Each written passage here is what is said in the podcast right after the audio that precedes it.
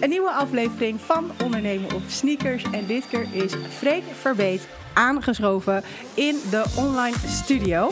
Uh, welkom. Ja, hart, hartstikke top dat je er bent. Ik, heb je al een tijdje in mijn vizier. Uh, want ik vraag natuurlijk ook om me heen van oké, welke trainers uh, zijn nou gewoon echt geschikt voor...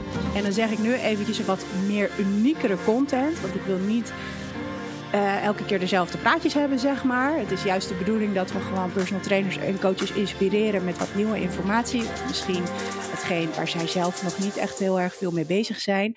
En uh, jouw naam staat al een tijdje op mijn, op mijn lijstje. En um, wat ik bijzonder vind, is dat jij ja, toch wel wat meer richt op uh, mensen met obesitas.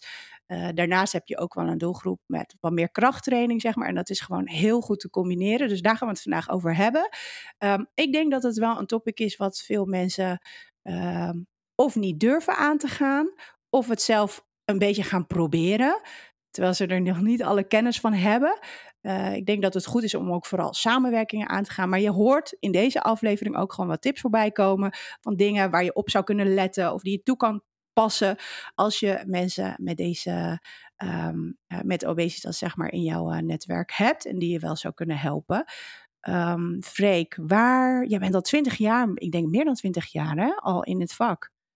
Zeg ik dat goed? Ja, bijna. Ik, ik train al zelf 20 mm -hmm. jaar met krachttraining, maar ik zit echt sinds mijn 17 echt al in de fitnessbranche, denk ik. Dus nu denk ik zo'n ja, 18 jaar. Denk ja, wauw. Wat, wat gaaf. Ja, wat ik, wij, wij zien elkaar dan uh, regelmatig, zeg maar, op events of dingetjes gewoon verschijnen. Weet je wel, het is een soort van.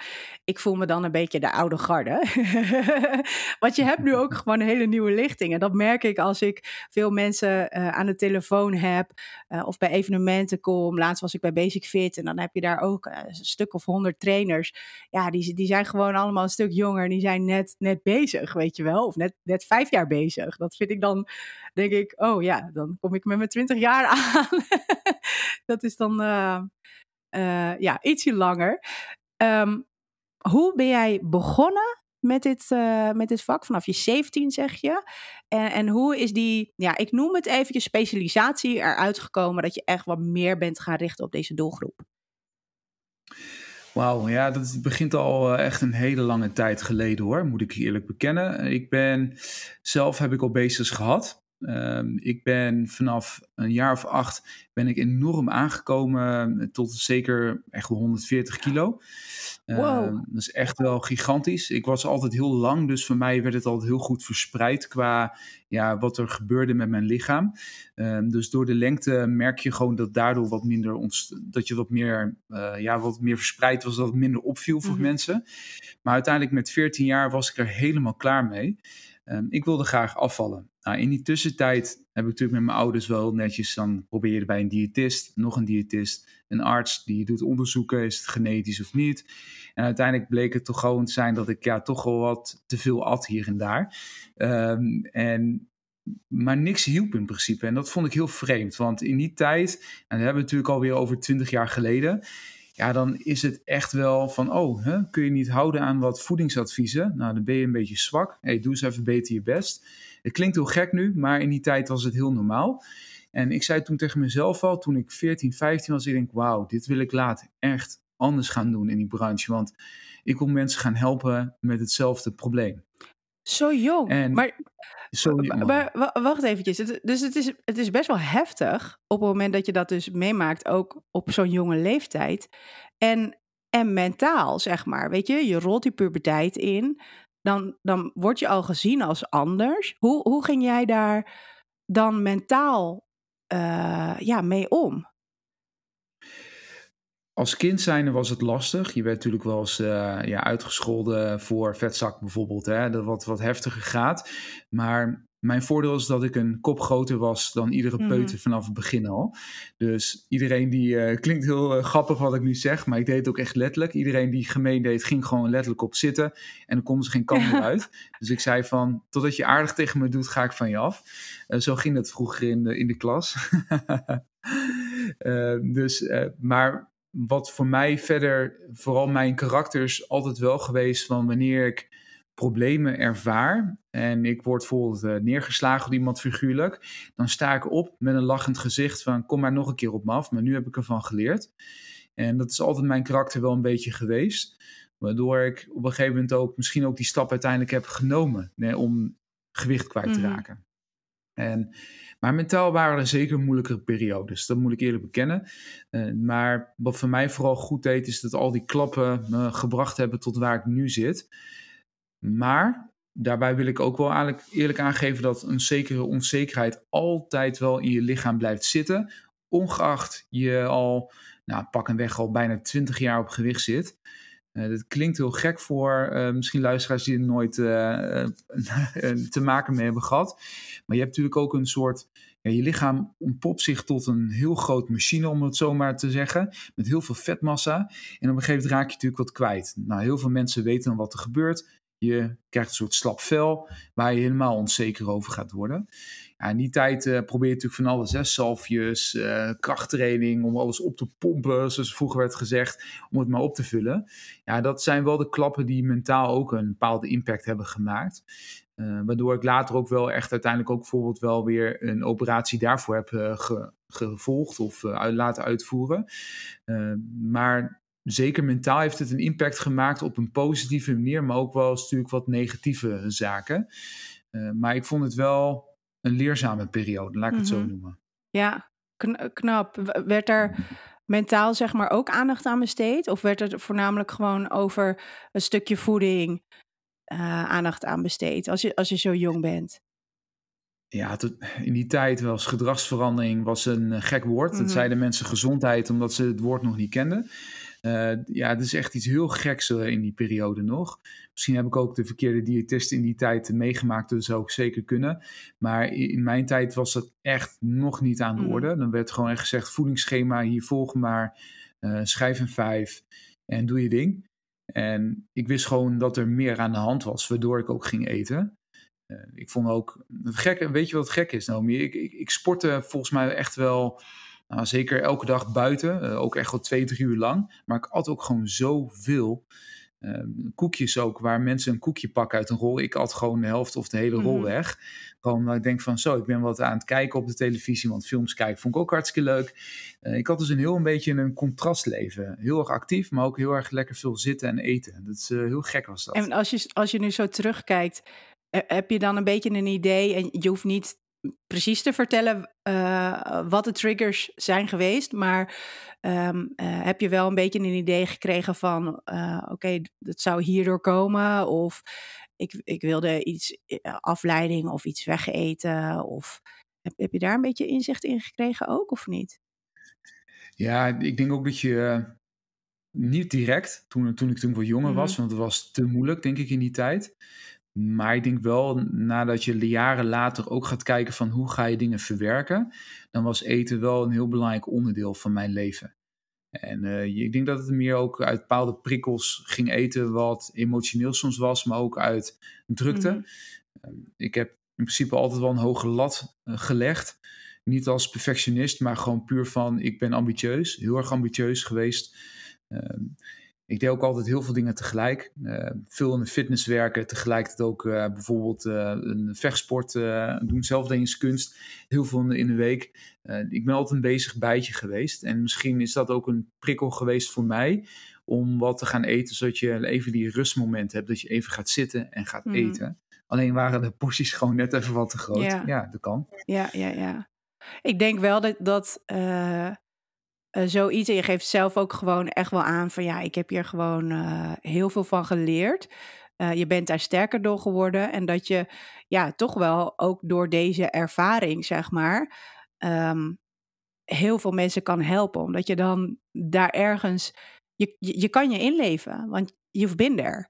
En ik, ik, ja, ik denk dat, dat dat wel heel erg veel toevoegt, zeg maar, aan, aan jouw coaching.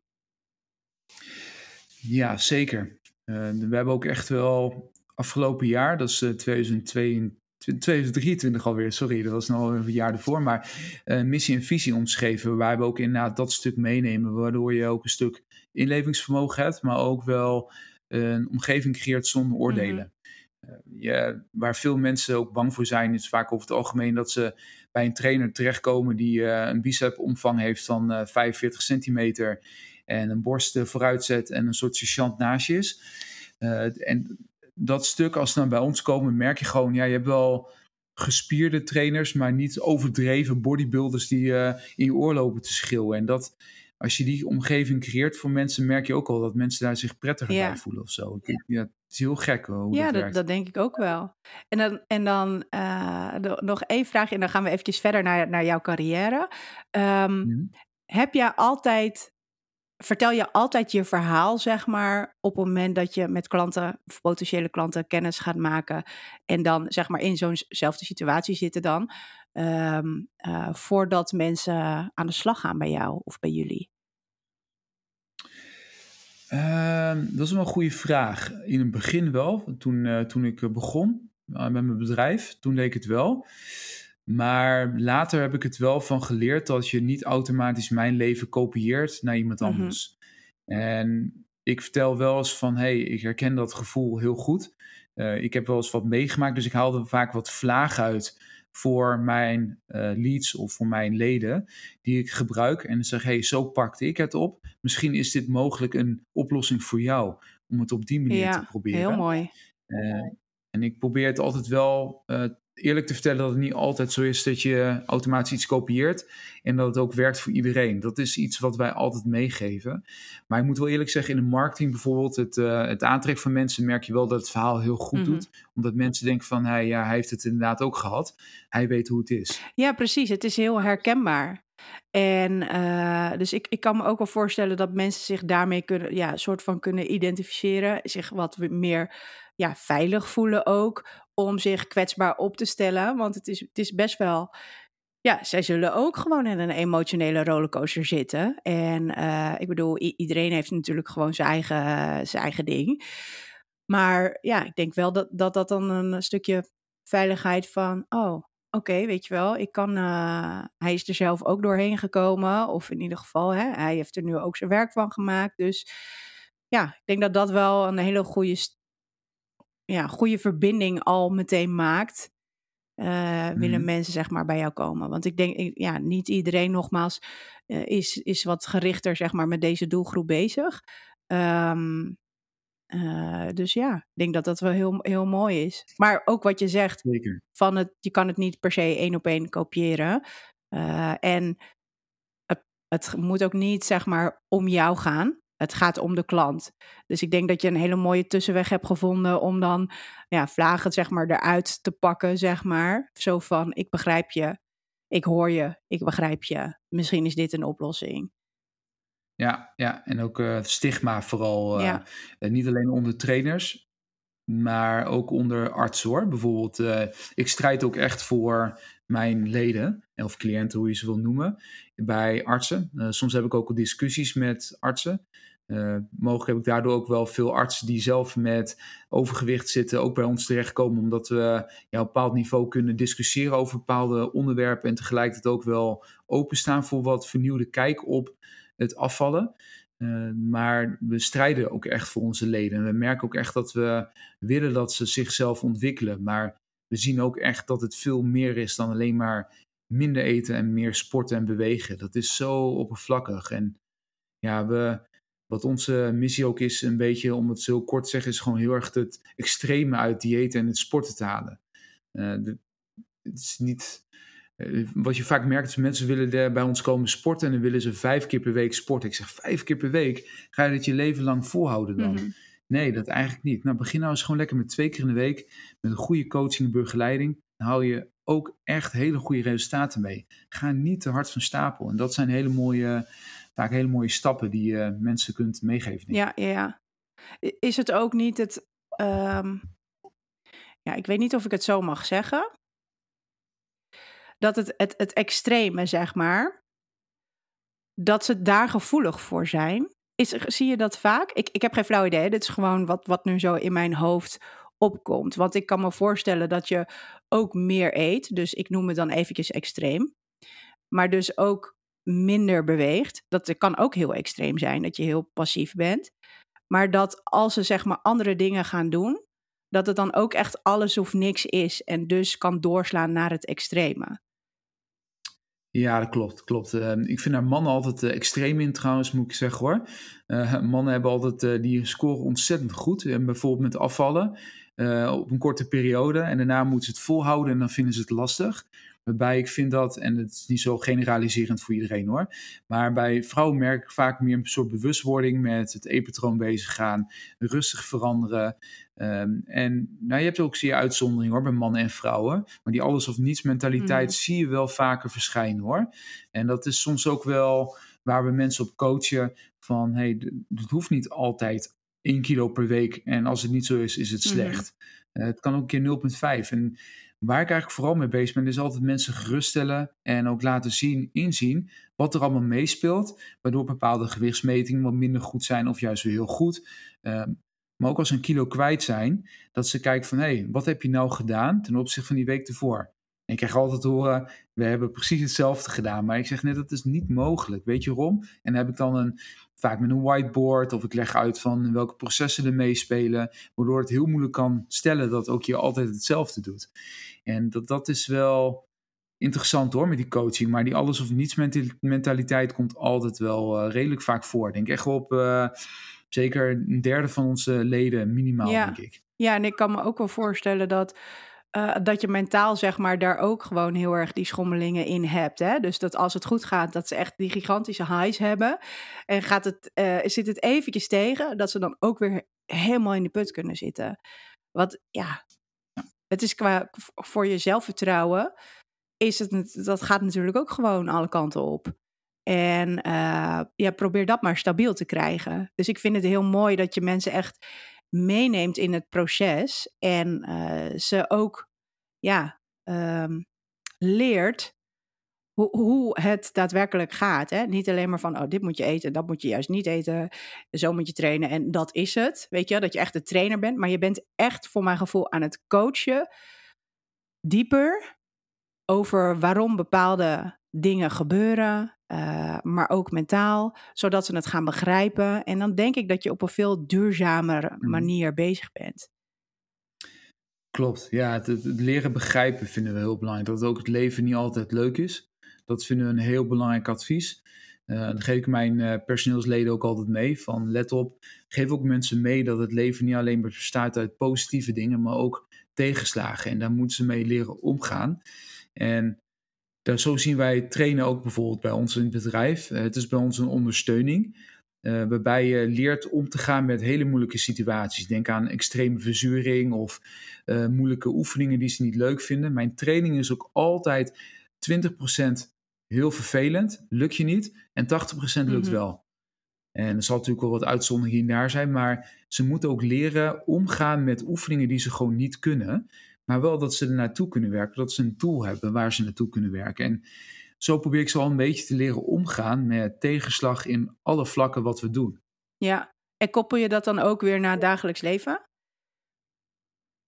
Ja, ja, heel vaak zelfs. Uh, met eten. Uh, lukt een keer niet. Uh, lekker laten gaan. Ehm, zit in het verleden. We gaan nu kijken hoe kunnen we het mhm. aanpassen. Maar ook met andere dingen. Hè? Met werk. Eh, kijk, met werk ook. bijvoorbeeld je gaat een nieuwe job beginnen. Dan moet je een programma leren kennen. Je hebt er weken de tijd voor om in, de flow te komen. Nou, daar geven we onszelf wel de tijd voor. Maar zodra we gaan afvallen, moeten we in één keer alles vanaf week 1 alles goed doen. En we geven ons geen tijd om iets te leren. En dat is, als je die koppeling maakt, zien mensen in één keer van, huh, oh je hebt wel gelijk, ja.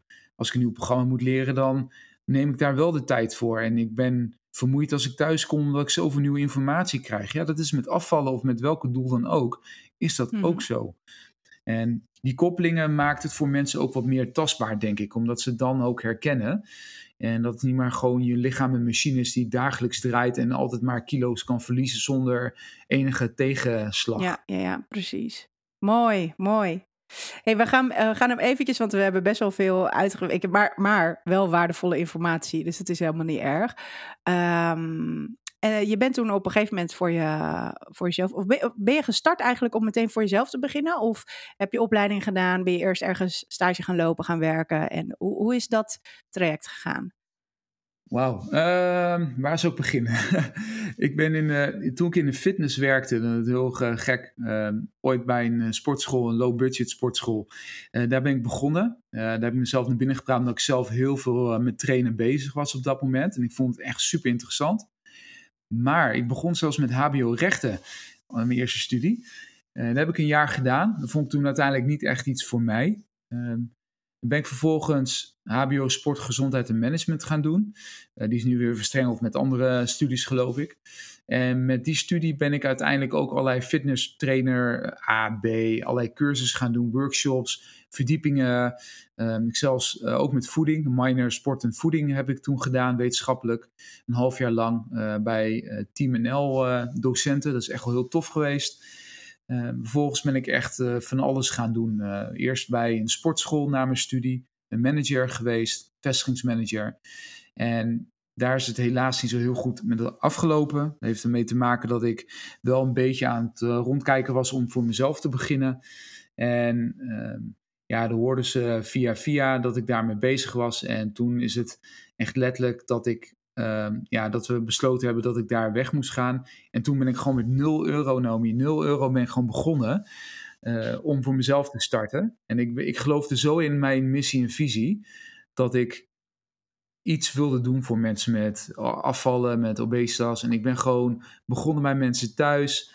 En mond-op-mond reclame en echt wel een beetje de stereotype verhaal met een onderneming. Zo is het ook echt uh, helemaal gegroeid tot waar ik nu sta eigenlijk. Ja, wauw. Wat, wat gaaf. En je bent dus met 0 euro begonnen. En hoe zag dat eruit? Was, had je dan... Uh, nee, je had geen eigen locatie. Ging je bij mensen thuis trainen of buiten? Of hoe kan ik dat zien? Ja, het eerste wat ik wel had geïnvesteerd met het enige potje wat ik nog had, uh, een website. Uh, dat ik echt een goede website had. Uh, en dat ik dan een visitekaartje had, waardoor ik mensen kon enthousiasmeren om, om te beginnen bij mij. En dan ben ik ook echt letterlijk bij mensen thuis gaan mm-hmm. trainen. Uh, in de straat, onder afdakjes. en dat werkte ontzettend goed, want je houdt het dicht bij huis. Mm-hmm. En uiteindelijk vonden mensen dat zo prettig dat je gewoon langskwam. En ja, je hebt natuurlijk ook in die tijd ook gewoon echt wel de tijd vrij om naar mensen toe te rijden, mensen te trainen en daar de, ja, echt wel de energie voor vrij te maken. En er was gewoon bij een, ja, een klein koffiecorner, uh, werd, was mijn kantoor. Dan ging ik daar afspreken op neutraal gebied. Ja, dat vonden mensen helemaal geweldig om uh, te zien groeien. Uh, dus ik denk dat ik zo wel ben gegroeid, denk ik. En toen uh, hoe, dan ben ik wel heel benieuwd, hoe kwam je dan aan je klant? Je had een website, maar in die tijd. Ja, website. Weet je wel, dat, dat was ook was nog best wel. Ik had er ook één, maar het was meer van dan heb ik er één. Want voor de rest kwamen klanten bij mij gewoon via mond-to-mond reclame. Uh, destijds, je had, je had geen social media en zo, dat had je allemaal niet echt. Ja, MSN, later Hives. En, uh, maar goed, weet je, daarmee ging je niet echt klanten binnenhalen. Hoe kwam je aan je klanten dan? Ja, goede vraag. Veel blogs schrijven. In die tijd uh, oh, werkte dat nog heel ja. goed. En, ehm, ik, ik verdiepte me altijd wel heel erg in marketing en uh, vooral SEO. Dus echt uh, hoe vind je, word je vindbaar op Google. En Google is mijn grootste vriend geweest in die tijd. Uh, maar ik was ook wel echt een van de eerste drie personal trainers in Apeldoorn hoor. Dus moet je nagaan, nu is het aan het qua concurrentie. Maar in die tijd waren er drie. En als je personal trainer Apeldoorn zocht, dan stond ik vaak ergens bovenaan al. dus dat hielp enorm. En de verdiepingsslag ook met marketing en hoe kun je daarin groeien, hielp mij echt enorm. Mm om klanten te vinden. En het ging op een gegeven moment zo hard dat ik denk, jeetje joh, wat, uh, ben ik dan uh, zo goed bezig? Blijkbaar wel. Uh, ik, ik, kreeg maar klanten binnenstromen en denk zo, oké, okay, het is fijn dat ik dan een van de weinigen ben in Apeldoorn. Maar het werkte echt wel op die wijze in die tijd. En nu merk je wel dat bijvoorbeeld video wat populairder wordt. En ja, dan moet je toch even wat anders weer marketing doen. Dat is ook wel interessant. Ja, ja, ja.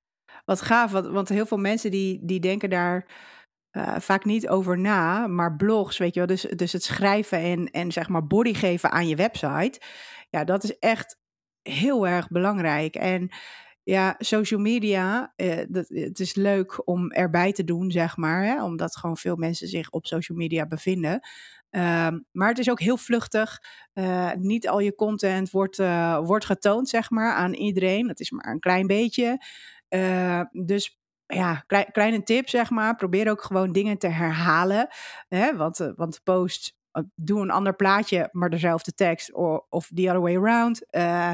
Um, maar ook zorg ervoor dat je website body geeft, heeft. Hè? Dus teksten, blogartikelen, als het waardevol is voor de klanten, uh, dan word je gewoon hoger gerankt. Weet je wel, los van alle keywords en alles wat je dan nog meer kan gaan gebruiken. Maar ja, ik, dat, dat is vaak wat wordt vergeten. En dit is eigenlijk ook wel een beetje de reden waarom wij uh, uh, van deze podcast, zeg maar. Uh, er worden ook YouTube-filmpjes, die worden dan ook gemaakt. YouTube is gewoon een zoekmachine. Ja. En daar hebben we dat duimpje weer.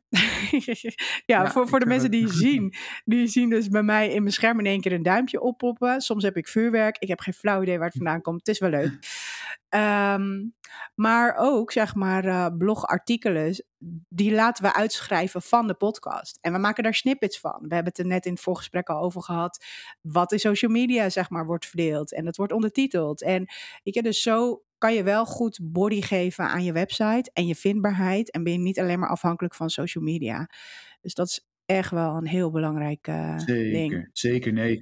Uh, wat, wat ik altijd wel wil meegeven, hou Google Trends in de gaten. Uh, dan vind je ook vaak op fitness of sportgebied vind je hele belangrijke items waar je over kunt schrijven. Kijk, mijn um, grootste passie is ook schrijven. Um, ik heb destijds ook een boek geschreven over trainingsschema's. Dat heb ik toen uitgebracht. En toen vond ik het al heel erg leuk om te schrijven. En door die Google Trends in de gaten te houden, um, met hele gekke woorden waar je soms zelf niet aan denkt. Uh, daar een leuk grote blog met veel passende informatie, wat niet te moeilijk geschreven is. Um, ja, dat, dat werkt heel goed. Dat, dat merken wij ook nog steeds. Dat mensen gewoon dagelijks blogs lezen die ik al jaren geleden heb geschreven. Gewoon puur omdat ze zoeken op die zoekwoorden nog steeds. Ja. Dat werkt echt gigantisch goed. Wat goed, wat goed. Leuk. En um, toen kwam er op een gegeven moment, je bent gaan groeien. En dan komt er op een gegeven moment een moment, want je ging hard, dat er of een eigen locatie en of uh, mensen erbij, zeg maar. Hoe, hoe heb je dat aangepakt? Ja, dat is, uh, ik ben toen begonnen met uh, stagiaires eerst. En dat vond ik wel leuk. En ja, die stagiaire, dat is denk ik vijf jaar terug. Uh, die heeft zijn stage afgerond en die is toen bij mij komen werken. Ehm, en ja, dat is heel leuk om met z'n tweeën denk ik te werken, maar ook heel gek. Want je moet in één keer jouw visie en missie eh, doorgeven aan iemand anders. die jongen was heel erg ambitieus, en dat is heel leuk om te zien. Dus we hebben samen ook echt wel uiteindelijk het bedrijf goed opgebouwd. Waardoor we uiteindelijk steeds meer, ja, steeds een derde of een vierde bij hadden. Uh, waardoor we nu uiteindelijk ook wel uiteindelijk gestrand zijn denk ik, met vier of vijf mensen. Uh, met twee stagiaires ook erbij. Uh, heel leuk. Ook wat meer op voeding en leefstijl bijvoorbeeld. Meer met coaching. Maar het grootste probleem was wel denk ik zo'n anderhalf jaar geleden ontstaan denk ik. Om het maar zo te zeggen. Dat doordat je groeit, ook enorm. Uh, mijn marketing skills werden ook steeds beter. Uh, Google Ads, veel in verdiept, workshops in gevolgd. op een gegeven moment haal je echt mensen binnen aan een stoomtrein snelvaart. echt super snel. Op een gegeven moment denk je van, wow, ik groei zo snel. Ik heb personeel nodig. En op een gegeven moment denk je van, voor mij is dit logisch. Maar op een gegeven moment voor personeelslid is een bepaalde werkwijze niet logisch. Denk we, vind je dat niet logisch dan? Nee, nee, ik zou het zo doen. Oh, wacht even, we moeten even terug naar de basis van wat vinden wij als team belangrijk om door te geven aan de mensen en welke werkprocessen vinden wij belangrijk. En dat merkte ik wel heel erg, dat op een gegeven moment uh, heel veel vanuit logische gedachten voor uh, kronkels was ontstaan, wat in één keer voor anderen niet logisch was. Wat ik dus of op papier moest zetten of in checklistje van hé hey joh, werk dit even af, want dit is de logische volgorde. En dat is echt wel, als je snel groeit, dan merk je ook wel dat je groeipijntjes gaat ja. krijgen. En dat je ook steeds meer um, ja, echt wel aan het bedrijf moet werken. In plaats van dat je de tijd in het bedrijf nog personal training moet gaan geven. En hoe ben je daarmee omgegaan? In het begin vond ik het even lastig, maar achteraf vind ik het wel heel erg leuk om als ondernemer en als leidinggevende het team te sturen. Ik heb het ook leren accepteren. Ik ben ook minder lessen gaan geven, waarbij je soms gewoon inderdaad moet zeggen tegen mensen: ja, hoor eens, ik ga toch wat minder les geven nu op dit moment. Dus ik ben bang dat ik niet meer op dat tijdstip les kan geven. Nou, ik heb nog een aantal momenten open. Kun je daar? Zo niet, ja, dan helaas moet ik je wel over gaan dragen naar een collega. En moet ik zeggen dat er regelmatig wel goed werd opgepakt. Maar ook wel eens af en toe mensen echt specifiek bij mij willen Mhm. blijven. Want ja, ik heb echt mensen die soms zeven of acht jaar bij mij sporten nomen. En in één keer zegt van ja, ik stop ermee. Ja, dat is wel gek. Ja, ja, ja, dat snap ik. ik. Ik moet zeggen dat ik zelf ook wel in een, in een fase zit dat, eh, eh, dat ik over een paar maanden met eh zwangerschapsverlof ga. En Hm. Eh, ja, ik ben daar nu ook oplossingen voor aan het eh, verzinnen natuurlijk. Maar de meeste mensen die, ja, ik heb één groep, ja, dat, die, die zijn, dat is drie, vier jaar oud ongeveer. Maar voor de rest, de meeste mensen die train ik al gewoon eh tien jaar plus. Dus dat, is, dat wordt dan best wel een dingetje natuurlijk. Je bent er eventjes uit en ik ben wel voornemens om daarna gewoon terug te komen. Maar ja, er gaan, gaan wel gewoon een aantal dingen veranderen. En hoe pakken ze dat op? En bij jou is het dan, hè, ze blijven dan wel nog binnen hetzelfde bedrijf. Dat is, dat is bij mij dan ook wel zo. Um, maar dan ben ik heel erg nieuwsgierig naar, even, eventjes een klein bruggetje naar, hè, jij, jij hebt jouw ja, expertise, jouw ervaring. Um, op een gegeven moment ben je gaan uitbreiden. Hoe pik je dan de mensen eruit uh, die jouw team kunnen versterken? En zijn dat dan allemaal weer verschillende types met verschillende expertises? Of allemaal een beetje freekjes? Ja, dat Ik was al bang dat je de vraag helaas zou stellen. het zijn, uh, kijk, ik ben een, uh, zeker wel een introvert op een bepaalde wijze. En ik merk ook echt wel dat ik de, het type jongens en dames uh, zoek die dat ook zijn. Terwijl ik nu wat meer, en daar ben ik afgelopen maand wat meer achtergekomen, dat ik wat minder introvertjes wil hebben, maar juist mensen die wat meer sprankelend zijn, die even net wat meer aanwezig zijn bijvoorbeeld. maar vaak is het wel gekozen op basis van, oké, maar hoe, waaruit passeer je iets of waarop doe je iets? Waarom doe je iets bijvoorbeeld? Dat is echt wel heel erg belangrijk voor mij. Uh, dat je niet zomaar natte vingerwerk doet en maar even wat meegeeft aan mensen en dan de helft klopt niet. Uh, dus voordat mensen ook bij ons aan het werk komen, vind ik ook gewoon dat ze een bepaalde basis moeten hebben. En als ze die niet hebben, bieden we ook een soort interne opleiding aan. En daar bedoel ik meer mee van dat je mensen ook echt gaat meenemen in het proces van wat minimaal de basis moet zijn om dit soort mensen, een doelgroep eigenlijk te helpen. Uh, dus ik kies er denk ik wel voornamelijk op van, oké, ben je open, leergierig, uh, wil je ook graag naartoe kunnen werken, want daar staan we ook voor open, uh, dan willen we je zeker helpen. Maar dat betekent wel dat je voor, voor wat hoort wat uh, principe te creëren. Dat je ook wat in je eigen tijd moet doen en ook deels betaalt. Uh, en ja, dat, dat creëert eigenlijk altijd wel leuke uh, posities voor mensen. Dat ze heel veel informatie voor zich krijgen, wat ze kunnen gebruiken. Maar dat wij ook natuurlijk een nieuwe collega eraan krijgen, erbij krijgen. En vervolgens daarmee weer aan de slag kunnen gaan. En wat ik vooral heel erg belangrijk vind voor het team, en dat doe ik heel erg met mijn team, wat ik naar mijn leden doe, doe ik ook met mijn team. Dus ik zie ze ook echt als uh, part of the family. Uh, dus ook uh, kleine details, kleine cadeautjes, echt op juist de, de, positieve vibe meegeven van jongens, hey, let op, we zijn een team. We moeten dit ook als een team doen. dat niet mijn wil is wet.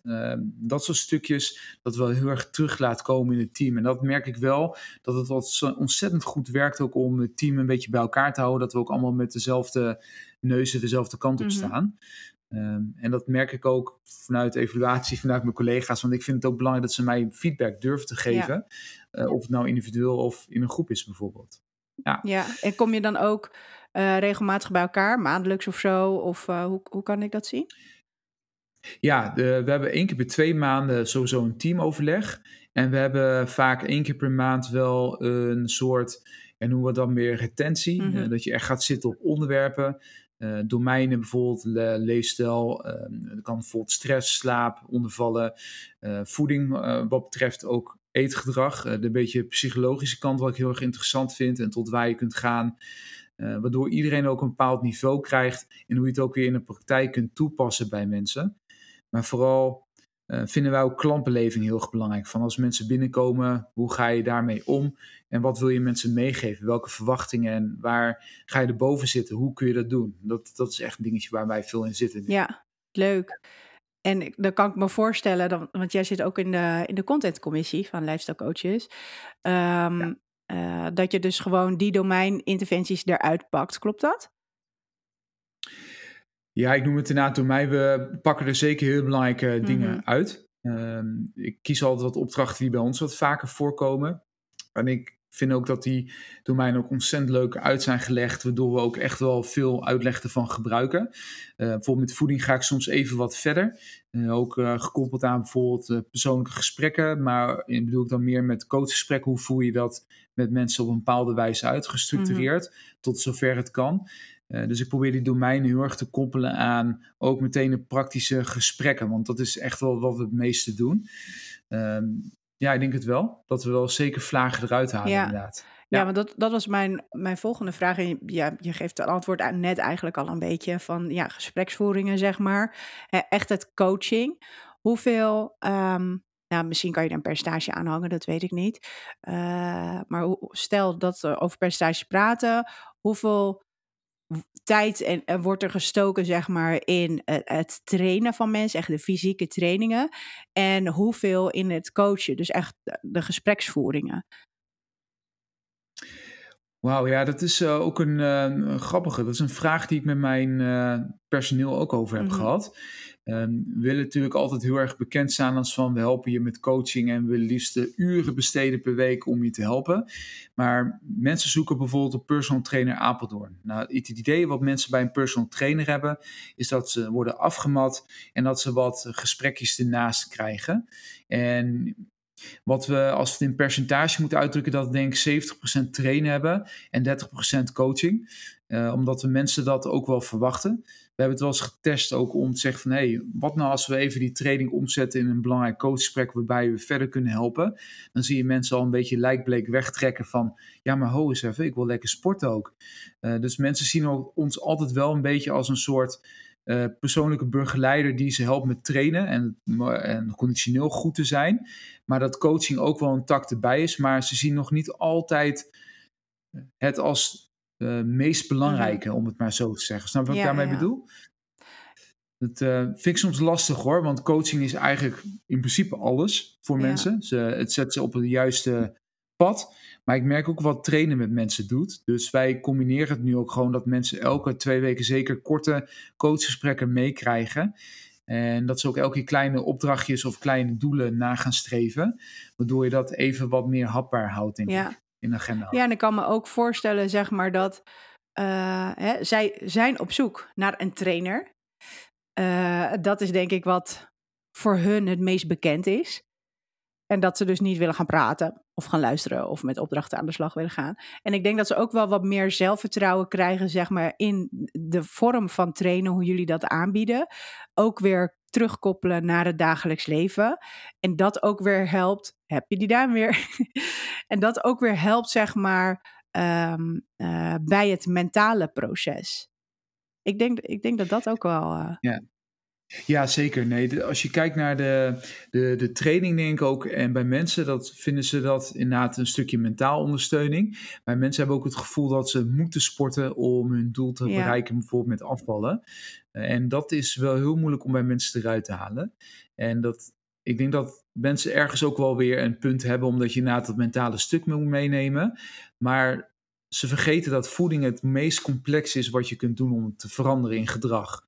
En daar wil je het over hebben, maar mensen vinden het soms lastig om een spiegel voorgehouden Mhm. te krijgen. Of dat je wat tips meegeeft die in één keer zegt van, oh je moet in één keer reflecteren over jezelf. Waar heb je het over? Ik wil gewoon een eetprogramma, een weekminuut liefst. Uh, om het maar even over een weekminuut te hebben. Ik vind het echt verschrikkelijk om dat mee te geven. Uh, ik zeg ja, ik kan alles wel voorkouwen, maar dan doe ik niks anders dan een hype dieet. Dus wat heeft dat dan voor zin om je te helpen? Dan kan ik je net zo goed een online programma meegeven aan iemand. En doe je het ook mee. Uh, dus dat zijn allemaal van die dingen waar we met coaching ontzettend veel over kunnen hebben. Maar toch merken we elke keer bij mensen dat mensen het moeilijk vinden om coaching te zien als een hoofdstuk ja. van begeleiding of zo. Ik vind het heel lastig om dat uit te leggen. Ja.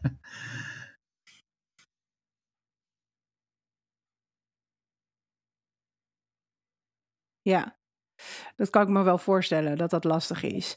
Um, dan ben ik toch wel nieuwsgierig naar. Je, ma je, maakt zelf al heel vaak bruggetjes. Dan hoef ik ze niet meer te maken naar, naar dat stukje voeding. Van hoe, hoe pak je dat dan wel op, zeg maar? Hè? Want we weten dat dat. Weet je, het fysieke trainen, dat is tastbaar. Hè, dus dat is, dat is toch wel wat mensen, denk ik, eerder geneigd zijn om te doen. Daarom zoeken ze ook naar een personal trainer. Personal, want mhm. veiligheid en niet in een hele grote groep. En hè, ik denk, denk dat dat dan een beetje de gedachtegang daarachter is. Dan pak je dat coaching, pak je er al in mee. Ze groeien ook gewoon fysiek en mentaal qua kracht, qua zelfvertrouwen. Uh, dan heb je dat stukje voeding. Wanneer komt dat erbij kijken? En, en maak je dus de keuze om daar wat meer zeg maar, op te focussen? Of juist zeg maar, dat een beetje los te laten? Want dat, dat, is, dat is best wel lastig. Poeh.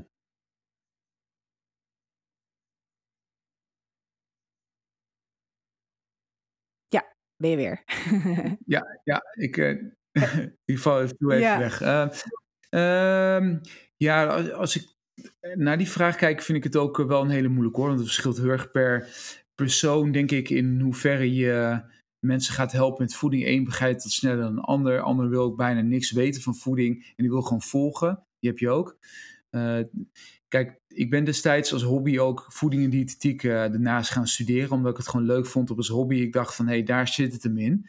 Uh, maar na een jaar of anderhalf kwam ik erachter dat ik veel meer met eetgedrag bezig moet gaan. Dus echt de psychologische kant van mhm. voeding.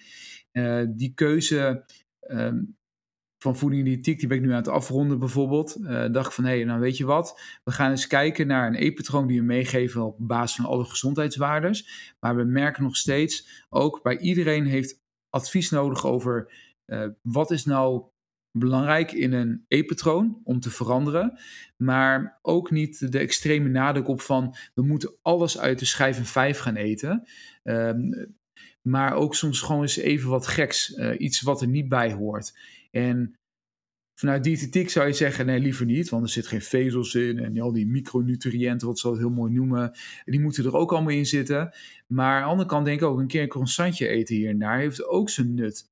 Maar dan noem ik het wat meer mentale mhm. gezondheid. En als we daarin gaan onderscheiden, zie je wel dat sommige mensen echt wel de basisvoedingsadviezen nodig hebben. Wat is oké, wat kun je beter nemen?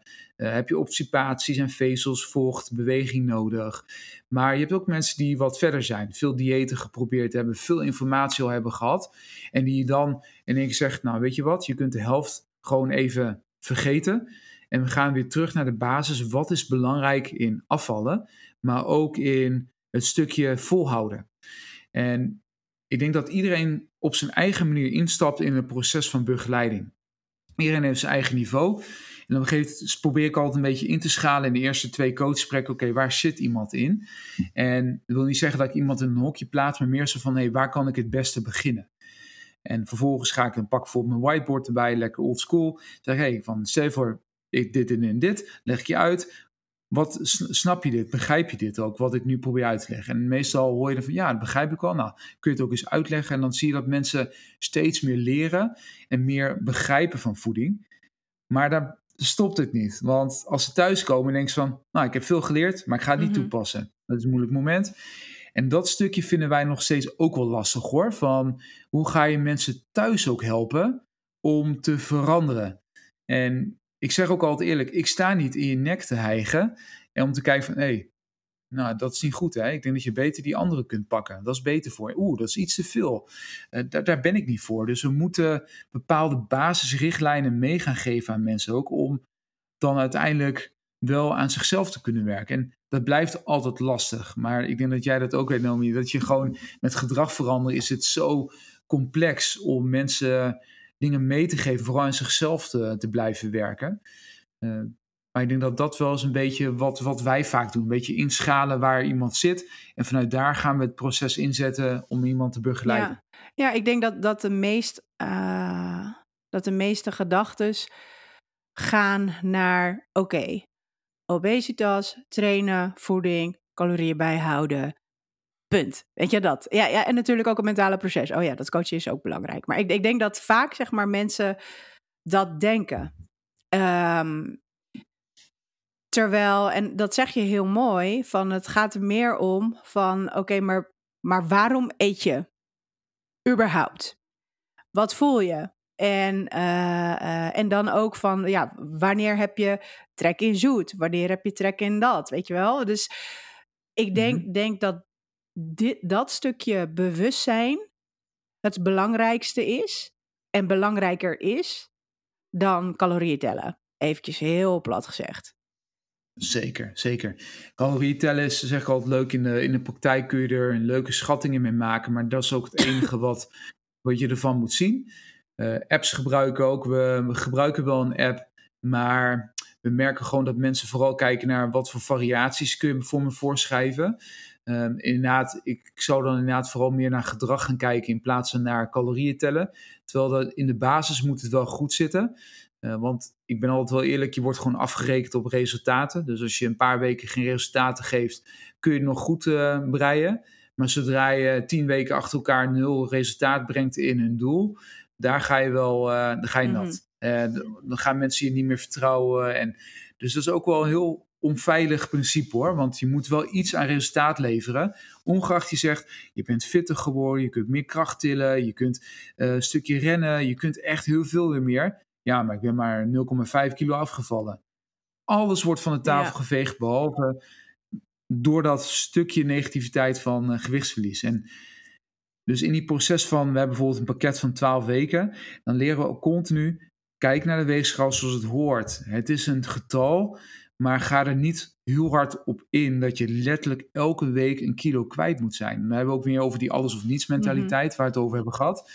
Um, elke keer weer een soort conditionering. Let erop, weegschaal is niet alles. Weet je nog wat er meespeelt met wegen? Allemaal heet het continu een soort herhaling van processen die meespelen bij weegmomenten, bij gewichtsverlies uh, enzovoort. Dat is wel interessant. Ja, ja, ja. En hoe zorg je er dan voor, zeg maar, dat je, um, uh, dat je kan evalueren en dus weer kan gaan bijsturen. Dus je noemde net bijvoorbeeld het wegen. Weeg je met iedereen of doe je meer omvangmetingen? Of heb je hele andere manieren van meten die je toepast in zo'n proces? Ja, het is heel wisselend. Uh, veel willen wel wegen omdat het echt een bekend terrein is. Sommigen vinden inderdaad een buikomvang ook prima. Mm-hmm. Uh, sommigen meten helemaal niet. Dat vind ik ook prima. Het gaat er bij ons om dat je gedragsverandering toe leert passen. En daarbij ook bijvoorbeeld de spiegel als graadmeter kunt gebruiken om ja, resultaten te kunnen zien. Ja. Dat is net zo goed. Ja, ja, ja. ja, mooi. Dus eigenlijk komt het erop neer, als ik zo eventjes samenvattend kijk naar hoe jullie coachen en begeleiden, dat het, er is niet een protocol. Uh, misschien wel uh, een richtlijn, maar het is heel erg afhankelijk van hoe mensen emotioneel erin staan, uh, waar ze staan. Um, en uh, waar ze behoefte aan hebben. Weet je wel, er zijn altijd, dat roep ik altijd, er zijn twee verschillende dingen. Wat mensen denken nodig te hebben en wat ze daadwerkelijk nodig hebben. Dat, dat kunnen soms echt, kan, een wereld van verschil zijn. En dan is het als coach zijnde om daar een beetje in te gaan sturen. Zodat er ook, ja, eh, deels een beetje op de behoefte wordt ingespeeld. Maar ook wat, wat ze verder brengt. Um. Is, het, is dat toch ja. echt wel, gaat het alle kanten op? Ja, klopt. We hebben wel inderdaad een standaard, uh, een beetje een protocol waarin we werken hoor. Maar um, je merkt gewoon dat het zo vaak iets moet afwijken mm. omdat we iets verandert uh, bij iemand. Uh, wat je ook wel vaak ziet is dat inderdaad mensen wel een bepaald protocol fijn vinden. Maar toch bij ons ook dat we vinden dat het protocol van de basis van wat je moet meegeven heel belangrijk is. Maar dat connectie met het lid veel belangrijker is dan welke kennis je ook hebt. En hoe creëer je een soort band met jouw lid of cliënt, waardoor je uiteindelijk weer veel meer informatie krijgt, waardoor je nog diepere lagen kunt aanpakken. Uh, ja, ik merk dat ik dat zelf heel erg interessant vind om mensen echt te zien van wat drijft jou in het leven ook? Wat is jouw passie? Als iemand postzegels verzamelt, vind ik het gewoon heel erg letterlijk ook interessant van, hé, hey, wat is dan de gedachtegang erachter waarom je postzegels aan het verzamelen bent? Vind ik gewoon leuk. En dan praat iemand vol met passie over zijn hobby en, pa en zijn, wat hij met zijn levenslust doet. En dan zie je al vaak dat iemand zegt, hé, hey, iemand luistert ook daadwerkelijk yeah. naar mijn passie. Vind ik leuk. Daarmee wil ik ook wel teruggeven. En dan zie je vaak weer dat er meer ontstaat tussen mij en de, en de cliënt. En dan probeer ik mijn personeelsleden en medewerkers ook heel erg mee te geven. Zoek die connectie op. Ja, Gaaf. Ja, maar dat is natuurlijk ook waarvoor ze komen. Hè? Een stukje aandacht. Ze willen ook erkenning voor hetgeen wat ze doen. Weet je, het is, het is niet alleen maar ik wil afvallen. Het is, het is veel, ja. veel meer dan dat. Um, dit zijn dan echt allemaal individuele trajecten. Heb je ook zeg maar wat kleinere groepen of doe je iets met community building, zeg maar met evenementen? Want ik kan me voorstellen dat, dat die stap, het, kan juist mensen heel erg dicht bij elkaar brengen, maar het is ook wel een hele stap voor mensen. Hoe pakken jullie dat aan? Ja, toen, ik denk uh, zo'n acht jaar geleden ben ik toen ooit een keer een programma gestart. Uh, toen ik was een van de eerste. Uh, daar deden we een soort twaalf weken programma waarbij je dus de theorie en zowel praktijk met groepstrainingen deed. En we hebben een tijdje, na zo'n twee of drie jaar waar het heel succesvol was. En ik weet niet eens meer de reden waarom ik het gestopt ben. Misschien tijdgebrek, maar um, hebben het even stilgelegd. En dat gaan we ook weer oppakken mm-hmm. op dit moment. Uh, daar hebben we dus echt een beetje een soort groep waarbij je dus een stukje theorie, maar ook een stukje praktijk weer terug uh, krijgt te zien. Maar wat praktischer, wat beter ingericht allemaal. Net even wat, uh, wat makkelijker, maar wel weer heel tastbaar. En met community building gaan we nu ook door klantbeleving zijn we er meer mee bezig. Gaan we ook inderdaad een soort foto ja, muur maken. we gaan even wat meer kijken van hey, hoe kunnen we de community nog wat hechter maken door vaker met de leden ook wat te doen. Uh, eerder waren we gewoon heel erg technisch bezig met leefstijl. Maar nu zijn we dus wat meer bezig met de connectie met de leden. Van hoe gaan we dat optimaliseren en beter maken. En dat doe je dus door dat soort kleine dingen met leden te doen. Leer ze kennen op andere levels. Wees niet alleen bezig met de technische kant van leefstijl of sporten, whatever. Uh, maar echt die persoonlijke aandacht. Ja, gaaf, leuk. Denk je dat mensen daar ook echt voor, uh, voor openstaan, zeg maar? Wat meer die groepsverbinding en, en, en dat soort dingetjes? Heb, vraag je dat ook aan de klanten eigenlijk? Ja, zeker. Kijk, als wij zo'n groep starten, dan zie je ook gewoon dat uh, wat me soms verbaast is dat er ook af en toe mannen bij kwamen die gewoon volop uh, in die groep meededen bij vrouwen met moodboards maken. Wat over het algemeen ook niet altijd uh, goed wordt ontvangen door echt van die macho mannen noem ik het altijd. Die willen wel aan zichzelf werken met moodboards, moodwatters. Yeah. Um, maar in een groep merk je wel dat ze het fijn vinden juist om lotgenoten te, mee te maken. En dat ze zien van, hé, hey, oh, ik ben niet de enige die struggelt. Dus dan krijg je een stukje compassie voor jezelf. Dat je denkt, hé, hey, ik heb het moeilijk, maar Pietje tegenover me, die heeft het ook heel moeilijk. Wat, wat fijn, klinkt heel gek, maar wat fijn dat er ook meer mensen zijn die ermee struggelen. En dan ga je proberen te levelen met, met klanten onderling ook. En er zijn vriendschappen ontstaan in die groepen waar je denkt van wauw, die zijn nu na acht jaar nog steeds vrienden of vriendinnen. Ja, dat is mooi om te zien. Ja, gaaf. Leuk. Um, ik ben uh, natuurlijk heel erg nieuwsgierig en ik denk de, de meeste mensen ook wel. Van, hè, je bent, dan gaan we nog heel eventjes terug om een beetje die context te maken, zeg maar. Van je, je, uh, je je bent zeg maar begonnen met coachen. Je wist wel al vanaf het begin af aan, ik wil wel uh, mensen helpen, meer met overgewicht. Um, heb je als eerste, en dan gaan we zo meteen naar de, naar de tips. Uh, heb je meteen zeg maar die doelgroep aangesproken met je marketing en zijn die klanten naar jou toegekomen? Of ben je eerst zeg maar wat breder begonnen en daarna wat meer gaan trechteren naar die doelgroep toe? Ja, een hele leuke vraag. Dan moet ik even goed terugdenken hoe ik dat had gedaan. uh, ik denk dat ik wel direct op uh, afvallen ben gaan mm inzetten en obesitas. Omdat het echt, ik wist gewoon in die tijd ook, en dan had ik toevallig wel meegekregen vanuit mijn studie, ze niche-markt is gewoon ja. heel belangrijk. En daar wilde ik ook op inzitten, want ik wilde daarin specialiseren en gewoon alles mee doen wat ik wilde. Uh, ook vaak online veel zichtbaar te zijn, bijvoorbeeld. Ja, dan merk je wel dat ik wel, denk ik, direct erop in ben gegaan. Maar ik moet wel zeggen, toen was ik wel wat makkelijker als iemand bijvoorbeeld wel wat meer de cardio wilde verbeteren of echt met sportdoelen kwam, dan hielp ik ze ook. Mm om natuurlijk ook wel een stukje budget te genereren voor jezelf, waardoor je nog meer die groei kan meemaken en dat je echt je droom kan verwerkelijken. Dat je echt een niche-markt aanspreekt, uh, wat echt bij je hart ligt. Ja, precies. En het, ik kan me voorstellen dat, uh, uh, dat mensen misschien nog niet zozeer die doelgroep in hun hoofd hebben, of misschien wel, dat kan natuurlijk ook. Um, maar nog niet heel veel ervaring hebben.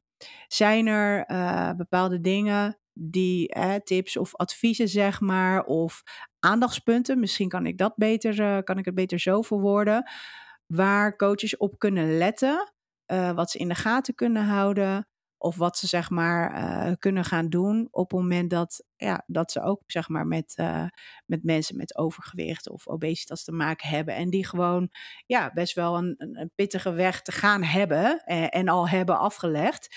Um, zijn er dingen die, um, ja, die, die ze zo al eventjes kunnen, kunnen doen of in ieder geval op kunnen letten? Zeker. Als je ehm, kijkt, ik vind het nummer één vind ik altijd heel erg belangrijk, is dat je leert dat er een flink stigma is op, het, uh, op, op obesitas. En dat je ook accepteert als mensen bij je binnenkomen dat voor hun echt enorme stap is geweest om bij jou contact te zoeken. Um, groter dan uh, als je iemand hebt die fanatiek krachtsport en die altijd zegt van ik train al vijf keer in de week, ik kom bij jou zelfverzekerd binnen. Um, dat is heel belangrijk, dus accepteren dat die stigma er is, dat is één. Twee, focus je heel veel op gesprekstechnieken, uh, gekoppeld ook aan wat theoretische dingen. Zoals van, hey, oké, hoe is iemand gemotiveerd? Um, wat motiveert nou iemand, maar wat drijft iemand ook echt in het leven? Uh, focus je echt op die gespreksvoering met diepgaande vragen. Niet per se altijd per se open vragen, maar ook soms sturende vragen, gesloten vragen. Um, durf ook te vragen hoe ze zich voelen over situaties. En ga niet meteen direct van: oké, we gaan nu verder met je weekmenu en meteen weer terug naar de leefstijl. Maar zoek, zie meer de mens voor je in plaats van een leefstijldoel waar je weer aan gaat werken met een volgende. Ja, precies. En, en dit stukje, dat is natuurlijk wel waar je oprecht interesse in moet hebben om hiermee aan de slag te gaan.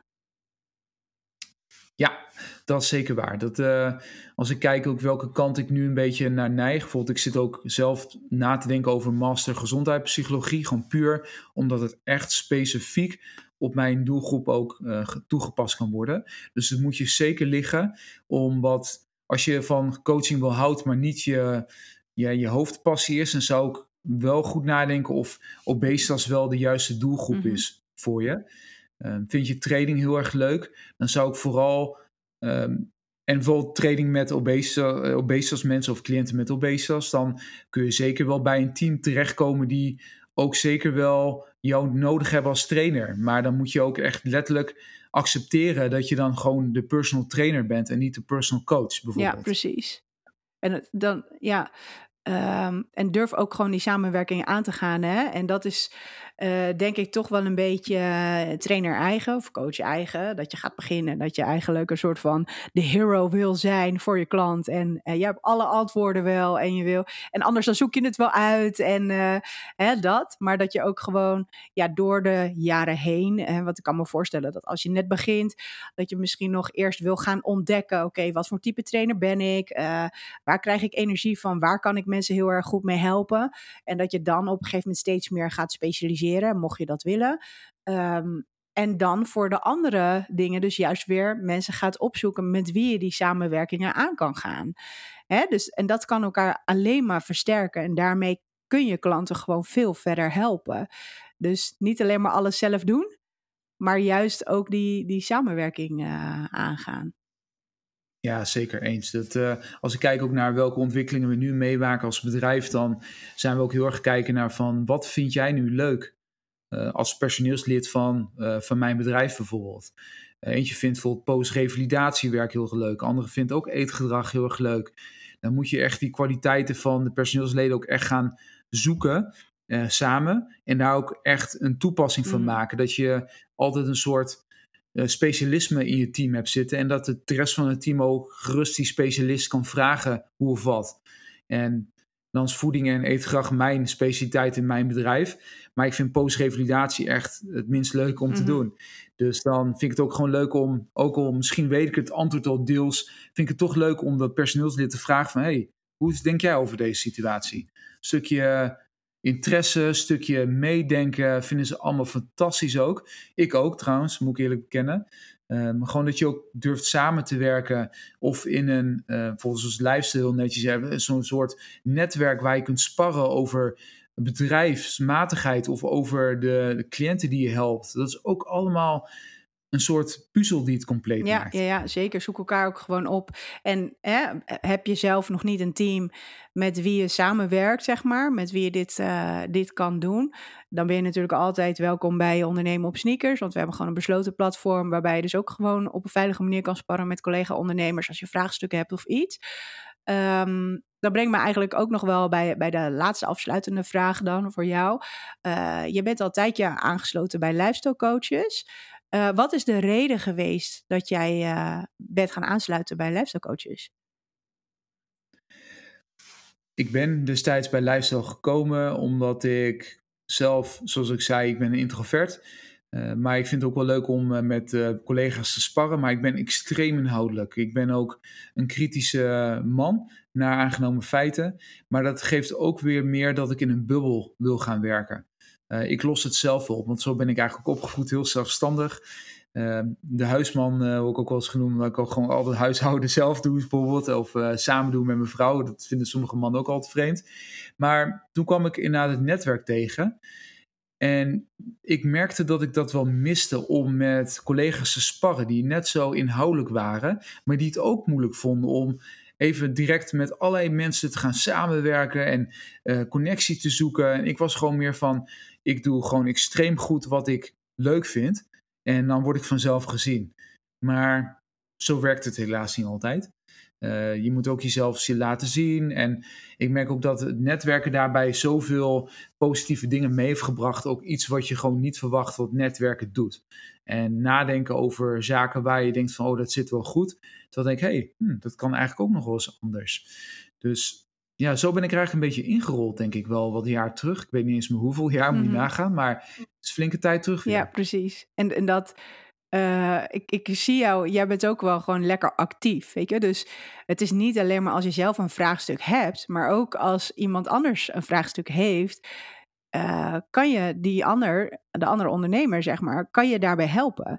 En, uh, en daar komen dan allemaal reacties onder. En je ziet wel gewoon vrij duidelijk dat er altijd een beetje dezelfde mensen, zeg maar, onder reageren. Maar er, er vinden wel altijd interessante uh, sowieso zijn het interessante vraagstukken, maar uh, ja, de, uh, goede discussies zeg maar plaats, weet je, van een werkwijze, hoe jij het bijvoorbeeld ziet of hoe jij het toepast en, en, en dan weer van de ander. En daarmee kan je zeg maar ook gewoon wat meer je eigen ja, visie een beetje vormgeven. Of, of eventjes stilstaan ben, hmm, hoe zou ik dat eigenlijk doen? En dat, dat merk ik zeg maar bij de vele gesprekken die ik heb met, uh, met deze podcast. Um, je, je spreekt heel veel trainers, nou ja, wat dieper zeg maar hiermee. Maar ook natuurlijk met, uh, met de salesgesprekken die ik voer voor lifestyle coaches. Dat je dan ook wel gewoon af en toe zelf bij vraagstukken gaat nadenken of werkwijzes gaan nadenken van, hmm, ja, wacht even, hier heb ik eigenlijk nooit bij stilgestaan. Uh, hoe zou ik dat eigenlijk aanpakken, weet je? Dus dat daardoor groeien ook gewoon uh, veel sneller, weet je? Opleidingen en dat soort dingen, dat zijn vaak niet meer live dagen. Het is vaak online, weet je wel? Dus en, en ergens die verbinding opzoeken, net als wat jij met je klant doet, um, is dat voor collega's onderling, zeg maar, denk ik, onwijs, nou, gewoon essentieel voor je persoonlijke ontwikkeling, persoonlijke en zakelijke ontwikkeling. Zeker, zeker. Ik denk ook inderdaad dat je gewoon altijd wel ergens op een bepaald moment een keer of je zo'n business coach of een netwerk moet hebben die een trap onder je kont gaat geven. Uh, dat heb ik ook gehad hoor. Uh, directe antwoorden waar ik gewoon er heel veel aan heb gehad. Waardoor ik denk van hé, hey, dat is toch even een andere kant van de zaken belichten die ik niet, waar ik niet over had nagedacht. Mm-hmm. Dus ik denk inderdaad, zulke netwerken doen het gewoon heel goed. En inderdaad, ik vind het fantastisch om mensen te helpen. Dat is mijn passie altijd geweest. Ik wil ook altijd mensen het liefst gewoon helpen ontwikkelen. Ik vind stagiaires ook geweldig om te hebben. Uh, die staan zo gretig naar kennis dat ik dat gewoon heel erg leuk vind om te doen. Maar ook professionals die net zijn begonnen, om die te helpen naar een bepaald niveau waar ze niet over nagedacht hebben. Of met bepaalde voedingsvraagstukken of eetgedrag waar ik ze net even een stapje verder kan laten nadenken. Ja, dat vind ik mooi. Ja. Maar dat is ook mijn passie. Ik hou van doseren. Dus uh, dat is. Uh, dus dat, dat wil ik ook graag uh, blijven doen, omdat ik gewoon dan mensen ook kennis kan meegeven om zichzelf een beter niveau van zichzelf ja. te maken. En, en, dan, en dan heb ik dan nog even als klapper heb jij zeg maar iets waar jij persoonlijk naartoe wil werken? Persoonlijk slash zakelijk. voor dit jaar of volgend jaar? Ik weet niet, gewoon in de toekomst? nou, dichtbijzijnd uh, is het meer dat ik mijn studie uh, even... Ik ben nu aan het afstuderen van voeding en diëtiek... omdat ik denk van ja, ik moet het toch echt gaan afronden nu. Um, die wil ik sowieso afronden. En natuurlijk, ik denk echt wel dat ik... Ik ben iemand die altijd doorleert. Dus ik denk wel dat ik de master ja. gezondheidspsychologie ga doen. Omdat ik echt wel die mensen zo'n niveau wil helpen. Maar vooral ook dat ik professionals wat meer op dat gebied kan helpen. Want er is zoveel onduidelijk nog in. Um, maar dat ik ook echt wat meer de deels wetenschappelijke kant en deels doseren, denk ik, gaat worden. Ja, precies. En professionals, daar bedoel je mee dus andere trainers en coaches die hier wat meer mee aan de slag willen dat je, dat je uh, gaat doseren, zeg maar. Ja, en uh, diëtisten denk ik ook in de toekomst. Want die hebben het soms ook hard nodig hoor, moet ja. ik zeggen, met eetgedrag. Ja, ja, ja. Gaaf. Ik wil je echt onwijs bedanken voor dit, uh, voor dit gesprek. We hebben heel veel onderwerpen aangetipt eventjes. Um, maar ook gewoon de werkwijze dat er dus gewoon niet ja, een standaard is. Dat je gewoon heel erg gaat differentiëren. Gaan kijken waar is de behoefte naar. Wat hebben mensen uh, ook nodig, zeg maar, in welke fase. Dus, dus het, ja, je gaat gewoon veel dieper. Uh, ja, je gaat echt wel coachen, zeg maar. Um, mm-hmm. Interessant. Ook nog even de tips. Wat handig is voor, voor trainers en coaches. Van nou oké, okay, uh, let hierop. Um, als mensen zeg maar vragen hebben of jou willen volgen, waar kunnen ze je vinden? Nou, mijn, uh, bij mijn bedrijf werkt het altijd het makkelijkst. Dus een body 2 coach. Dat is uh, waar mijn bedrijf uh, te vinden is. En die zit op eigenlijk wel tegenwoordig alle kanalen, zoals TikTok, Instagram, Facebook. Um, en er wordt de komende tijd ook steeds meer gepost over video's. Um, en natuurlijk mijn website, gewoon bodycoach.nl. Daar schrijf ik ook nog regelmatig wat voor. Uh, maar ik heb bijvoorbeeld ook freekverbeet.nl. Maar die moet ik weer even een beetje aan het opstarten. Omdat ik gewoon echt door tijdgebrek gewoon te weinig tijd heb om jullie allemaal informatie uh, lekker te geven zoals ik dat graag zou willen. Uh, dus Body to, to, Coach is echt wel het meest uh, toegankelijk, denk ik. Op ja, precies. En daar, kun, daar kunnen ze dus ook al die blogs lezen. En die zijn denk ik dan meer gericht richting klanten, hè? Klopt dat? Ja, zeker. Dat, uh, van Body to Coach wel. Freekverbeet.nl heb ik ook wat interessante blogs. Wat meer is dat gericht op professionals. Dus dat is wel uh, dat is denk ik wel wat interessanter met informatie daar. Ja, nou ja, ik, ik denk beide wel. Want op het moment dat je nog niet echt heel erg bezig bent met deze doelgroep, maar wel zoiets hebt van goh, ik vind het interessant. Hetgeen wat je natuurlijk gewoon uh, op Body to Coach hebt geschreven voor jouw doelgroep, is dus ook interessant om, om te lezen als professional. En als je dan weer wat verder erop in wil gaan, dan is het interessant om, uh, uh, om gewoon bij uh, Freek Verbeet te gaan kijken. Dus de linkjes die, uh, die zal ik eventjes in het artikeltje plaatsen. Dus luister jij deze aflevering op een van je favoriete podcastkanalen. Kijk dan eventjes in, in de omschrijving. Daar vind je een link. En dan vind je een uitgebreid ja, artikel, zeg maar. De onderwerpen die besproken zijn, maar ook gewoon de linkjes helemaal onderaan. En dan, dan, dan kunnen ze jou ook vinden. Ik wil je nogmaals onwijs bedanken. Alle luisteraars natuurlijk ook bedankt. Maak even een account aan als je vraagstukken hebt. Het hoeft helemaal niet ingewikkeld te zijn. Um, maar dan kan je gewoon gratis bij ons lid worden en je vraagstukken kwijt. En wij reageren daarop. Het zijn niet alleen maar trainers, maar het zijn ook business coaches die daarop zitten. Die, die de ervaring hebben in deze branche. Wat best belangrijk is. Niet, een algemene business coach. En, uh, en dan gaan we je gewoon uh, vooruit helpen. En dan zou ik zeggen, bedankt voor het luisteren of kijken. En tot de volgende aflevering. Dankjewel.